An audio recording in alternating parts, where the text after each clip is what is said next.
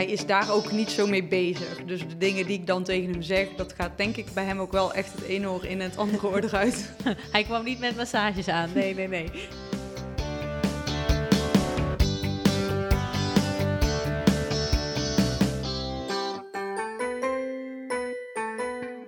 Welkom bij jouw zwangerschapsweek, de podcast van 24baby.nl, waarin we week voor week met je meereizen door jouw zwangerschap. En nu dus week 9. Heel veel honger of gooi je er alles juist weer uit? Het eerste trimester zorgt voor een soms wat ingewikkelde relatie met eten. Ik heb uh, deze week ritueel afscheid genomen. Ik heb twee zakken snoep gehaald. Ik heb ze allemaal opgegeten. En nou denk ik, oké, nou moet ik echt gewoon terug in balans. En uh, ja, daarmee, daarmee is het nu basta. Maartje vertelt waarom het belangrijk is na te denken over prenatale onderzoeken. Maar als het niet goed is, is het wel belangrijk dat je van elkaar even weet van hoe dan verder. Ja. En het is goed om daar vooraf al met elkaar in gesprek over te gaan. Roos van 24 Baby die gaat bijna weer aan de slag. Ik zie er stiekem nu wel tegenop hoor, maar uh, het is ook wel lekker om uh, weer even wat voor jezelf te hebben. Want haar zwangerschapsverlof zit er bijna op. Voor we verder gaan, eerst nog even dit. Deze aflevering van jouw zwangerschapsweek wordt mede mogelijk gemaakt door Moeders van Morgen. Op de online kennisbank van dit kenniscentrum vind je alles wat je moet weten over geneesmiddelengebruik rondom je zwangerschap. En voor die kennisbank heeft Moeders van Morgen nog veel meer informatie nodig. Daarom doen ze onderzoek met online vragenlijsten. Je helpt ze enorm door je aan te melden op www.moedersvanmorgen.nl, ook als je nu geen geneesmiddelen gebruikt. Oké, op naar week 9.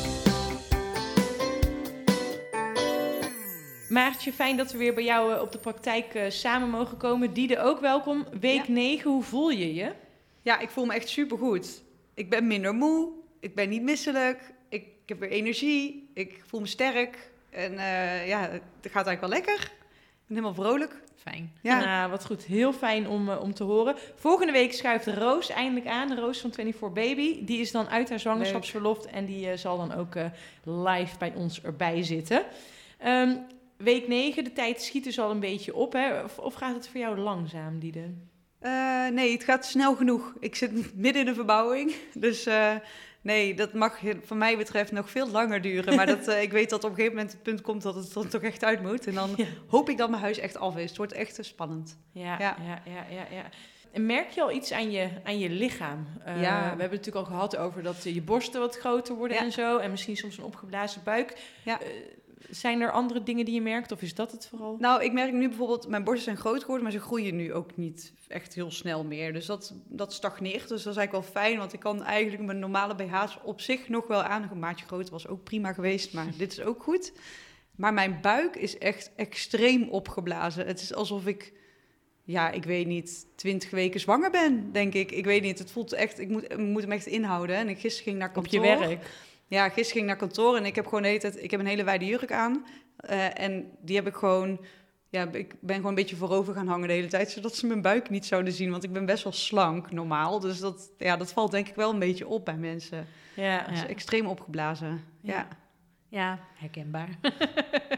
heel normaal ja, hè? Heel Deze- normaal, zeker. Ja. Ja, dat ook de eh, dames echt wel denken van... "Oh, op mijn werk weten ze het nog helemaal niet. Hoe kan ik dat nog verbloemen? Nou ja, met kleding kun je gelukkig Ja. heel wat. Ja.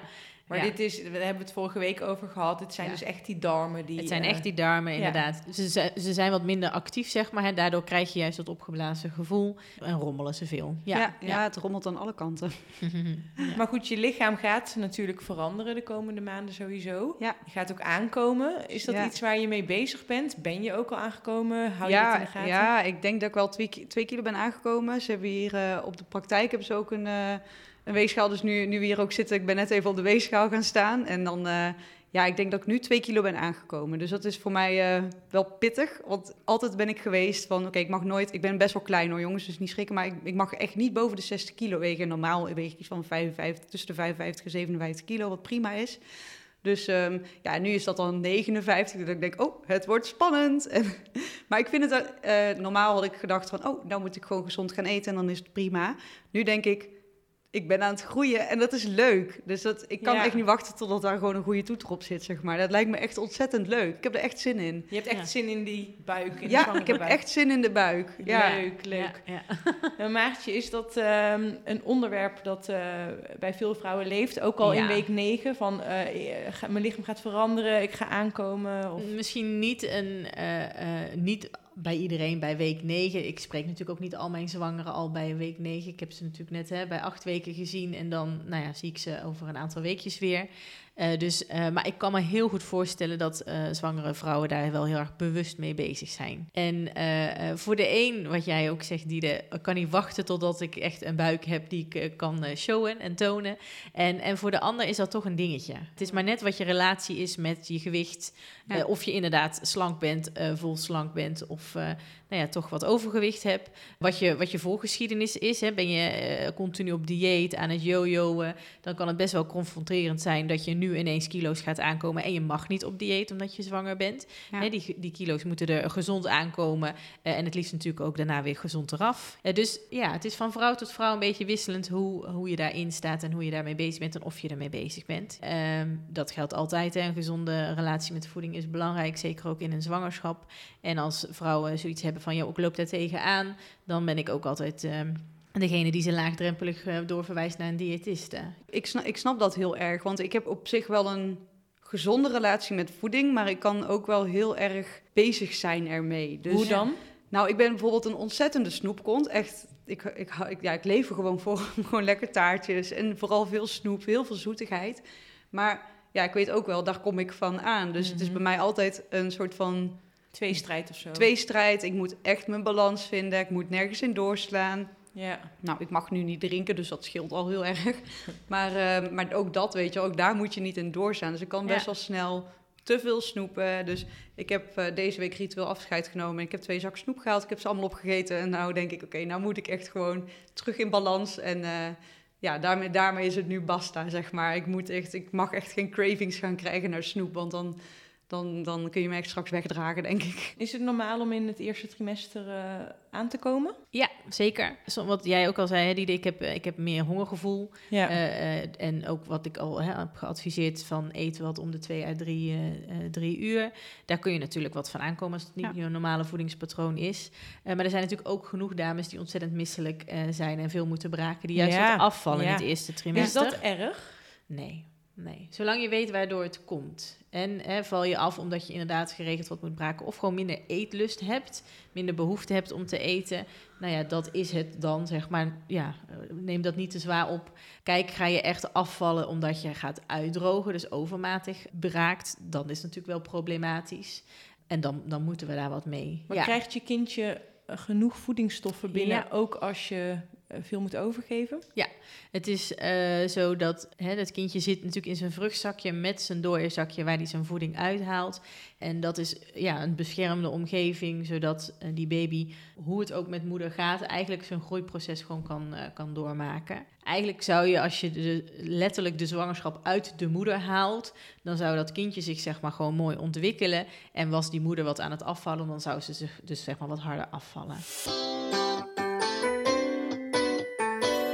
De vorige week heb je veel informatie gekregen van Maartje over eh, prenatale screenings. Dus de Ja. onderzoeken die eh, gedaan kunnen worden naar jouw ongeboren kindje. Ja. Ik wil eerst even van Maartje weten wat de opties nou eigenlijk allemaal zijn. En dan ben ik heel benieuwd wat jij en Daan, wat jullie hebben bedacht in Ja. de afgelopen week. Juist, ja. Eh, het eh, is eh, onderzoek wat je in de, eerste helft, zo zou ik kunnen zeggen, van je zwangerschap kunt laten uitvoeren. Het is een eigen keuze of je het wil laten uitvoeren. En het zijn onderzoeken, niet invasief, zeg ik er ook meteen bij. Dat Wat wil zeggen, dat? juist, dat wil zeggen dat er geen risico aan het onderzoek zit. Eh, en dan moet je met name denken aan een risico op een miskraam. Ja, dus het zijn eh, bloedonderzoeken of echo-onderzoeken die geen risico's voor het kindje vormen. Ehm, in het eerste trimester, of eigenlijk een beetje eind eerste trimester, kun je kiezen voor een combinatietest of een NIPT. En de NIPT staat voor de niet-invasieve prenatale test. En dat zijn alle twee onderzoeken die kijken naar chromosoomafwijkingen, naar het Down-syndroom, het Edward en het Patau-syndroom. De NIPT die kan vanaf 11 weken en dat is alleen bloedonderzoek bij de moeder. Maar daar wordt gekeken naar vrij DNA, dat afkomstig is van de placenta, maar moederkoek maar dus bij de moeder uh, rondzweeft zeg maar, in het bloed. En daar kun je ook zeggen van nou, ik wil niet alleen op die drie syndromen, maar ik wil dat ze naar alle chromosomen kijken. Alleen niet het geslachtschromosoom. Ja. Ik weet natuurlijk niet wanneer je luistert, maar af en toe verandert het beleid rondom de prenatale screenings. Zo is de combinatietest vanaf 1 oktober 2021 niet meer mogelijk en... Dan kan je vanaf 1 september 2021 ook de 13 eh, weken echo laten uitvoeren. Dat is een eh, structureel echoscopisch onderzoek bij 13 weken. En daarbij kijken ze naar grove structurele afwijkingen aan het kind. Dus denk aan een afwijking in de hersenen, uh, aan de ledematen, echt grote afwijkingen. Ja, helemaal helder. Dat is echt een super fijne, heldere uitleg. Natuurlijk sprak ik ook nog even met Roos. Ze vertelde me dat het onderwerp prenatale onderzoeken flink leeft in de 24 Baby community. Ja, klopt. Er zijn heel veel topics over de, de, de NIPT vooral. En er zijn eigenlijk heel veel verschillende redenen waarom mensen het wel en niet doen. Er is, er is hier ook helemaal geen goed en fout in. Ik zie dat mensen zeggen van, nou ja, ik zou toch niks met de uitslag doen, dus uh, ik doe het niet. Het kindje is welkom. Terwijl anderen juist heel erg zeggen van, ja, wil weten of het kindje het Down-syndroom heeft. Niet per se om de zwangerschap af te breken, maar dat ik me daarop kan voorbereiden mentaal. En anderen zeggen van, nou, ik zou wel de zwangerschap laten afbreken. Dus er zijn heel veel verschillende meningen waarom je het wel en niet moet doen. En het is heel persoonlijk natuurlijk. Ja, het is wel ook wel echt heel belangrijk om daar van tevoren goed over na te denken. En ook met je partner, als je die hebt, daarover te spreken van wat nou als er een negatieve uitslag is, wat gaan we dan doen? Ja. Want uh, ja, je kan denken dat je op één lijn zit, maar als het puntje bij paaltje komt, kan ineens een ander er heel ander over, anders over denken. En dat is belangrijk om daar afspraken over te maken. Diede, jij hebt erover nagedacht. Ja. Zijn jullie eruit? Wat willen jullie doen? Ja, ik denk niet dat we er nog helemaal aan uit zijn.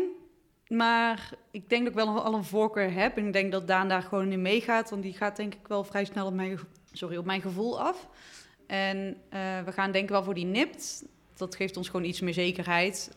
Um, ja, over de, die nevenbevindingen, want zo, zo heb jij dat dan genoemd. Dus dan kijk ze ook naar die andere chromosomen. Hoeft voor mij niet per se, denk ik. Want ja, het maakt mij dus waarschijnlijk alleen maar onzeker. En uh, ja, dan, uh, dan wacht ik gewoon maar liever totdat, uh, totdat het er is. En dan, ja, dan zien we het wel. Ja, want het kan, het kan van alles zijn. Dus ja, dan weet je het ook niet zeker. Klopt, die nevenbevindingen kunnen ook veel onrust, uh, onrust geven. Zo'n nevenbevinding kan op drie vlakken zitten, omdat het natuurlijk vrij DNA is wat uit de placenta is wat beoordeeld wordt. Dus ze willen als er een, hè, een vermoeden op een van die syndromen of een nevenbevinding uitkomt, willen ze ook altijd vervolgonderzoek aanbieden. En dan moet je denken aan een vruchtwaterpunctie of een vlokkentest. Met daarbij natuurlijk wel een klein risico op een miskraam. Ja. Maar dan kunnen ze kijken van is die afwijking die we vermoeden, of die nevenbevinding die we vermoeden, zit die daadwerkelijk in de placenta? Zit die bij de baby of zit die misschien bij de moeder zelf? Dus zo'n nevenbevinding of zo'n afwijking, het vermoeden daarop kan op drie vlakken zeg maar zitten. En daarvoor is aanvullend onderzoek nodig. Doet iedereen uh, zo'n prenataal onderzoek of zijn er ook vrouwen die zeggen ik, ik laat het gewoon en ik zie het wel? Er zijn genoeg stellen. Want over het algemeen wordt dat natuurlijk samen besloten. Die zoiets hebben van, uh, we doen dat niet. En welke reden iemand ook opvoert, is prima. En jouw rol is vooral het gewoon uitleggen. En de keuze is uiteindelijk aan Diede en Daan. En, uh... Juist, ja. De keuze is niet aan mij, want ik ben niet zwanger. Nee. en ik ga dit kindje niet opvoeden. Dus de keuze ligt echt aan de ouders zelf. En ik zeg ook altijd, je mag daar om het onaardig te zeggen, egoïstisch in zijn. Want het is, er is geen goed of fout. Nee, ik bedoel, het feit dat je ervoor kiest om zwanger te worden en een kindje te krijgen, is ook een eigen keus. Dat doe je ook niet voor je eigen ouders of de buurvrouw. Dus of je zo'n onderzoek uh, laat doen, mag je ook zelf besluiten. Maar ik vind het wel belangrijk dat mensen weten waar ze voor kiezen. Nou ja, en het vervolg is natuurlijk vooral heel spannend. Want stel dat er iets uitkomt, wat ga ik dan doen? En dat is dan denk ik vooral ook het gesprek dat je moet voeren met elkaar. Van, ja, zeker. Wat, wat gaan we doen? En ehm, ik weet niet of dat bij jullie... Of, dat, of jullie al zover zijn. Ja, dat was wel vrij vroeg kwam dat ter sprake hoor. Ja. Bij ons is het gewoon... Ja, dat klinkt heel cru. En wij zeggen eigenlijk als het niet goed is, is, is het dus niet goed. Terwijl... Um, kinderen met Down-syndroom zijn wel gewoon goed. Dus dat mag ik eigenlijk niet zeggen, vind ik. Mhm. Maar voor ons, voor, ons, voor ons leven zou dat niet goed zijn. Dus dan Nee. Kiezen we er ook voor om daar dan niet mee door te gaan. Ja, daar heb je Ja, je eigen redenen voor. Ja. Ja. Het is goed dat je het besef hebt dat je dus voor zo'n keuze kan komen te staan. Want ik hoor van heel veel hè, stellen van ja, we laten dat onderzoek doen ter bevestiging dat alles goed zit. En 9 van de 10 Nee, keer ja. doe je natuurlijk ook iets om te bevestigen dat iets goed zit. Maar als het niet goed is, is het wel belangrijk dat je van elkaar even weet van hoe dan verder. Ja. En het is goed om daar vooraf al met elkaar in gesprek over te gaan. Want nu zijn de emoties nog niet dusdanig betrokken dat als je eenmaal wel een uitslag hebt. Ja. Ja. voor ons is het Ja. echt van wat, wat wordt het verloop van de zwangerschap? Dat, eh, zo, zo zien wij hem echt. nou ja, wat ik al zei, elke keuze daarin is prima. Maar het is voor ons, voor mij ook als zorgverlener belangrijk dat, ik, hè, dat jullie goed weten wat kan ik kiezen, wat kunnen eventuele vervolgtrajecten zijn en wat voor keuzes zou ik misschien moeten kunnen maken. Ja. ja.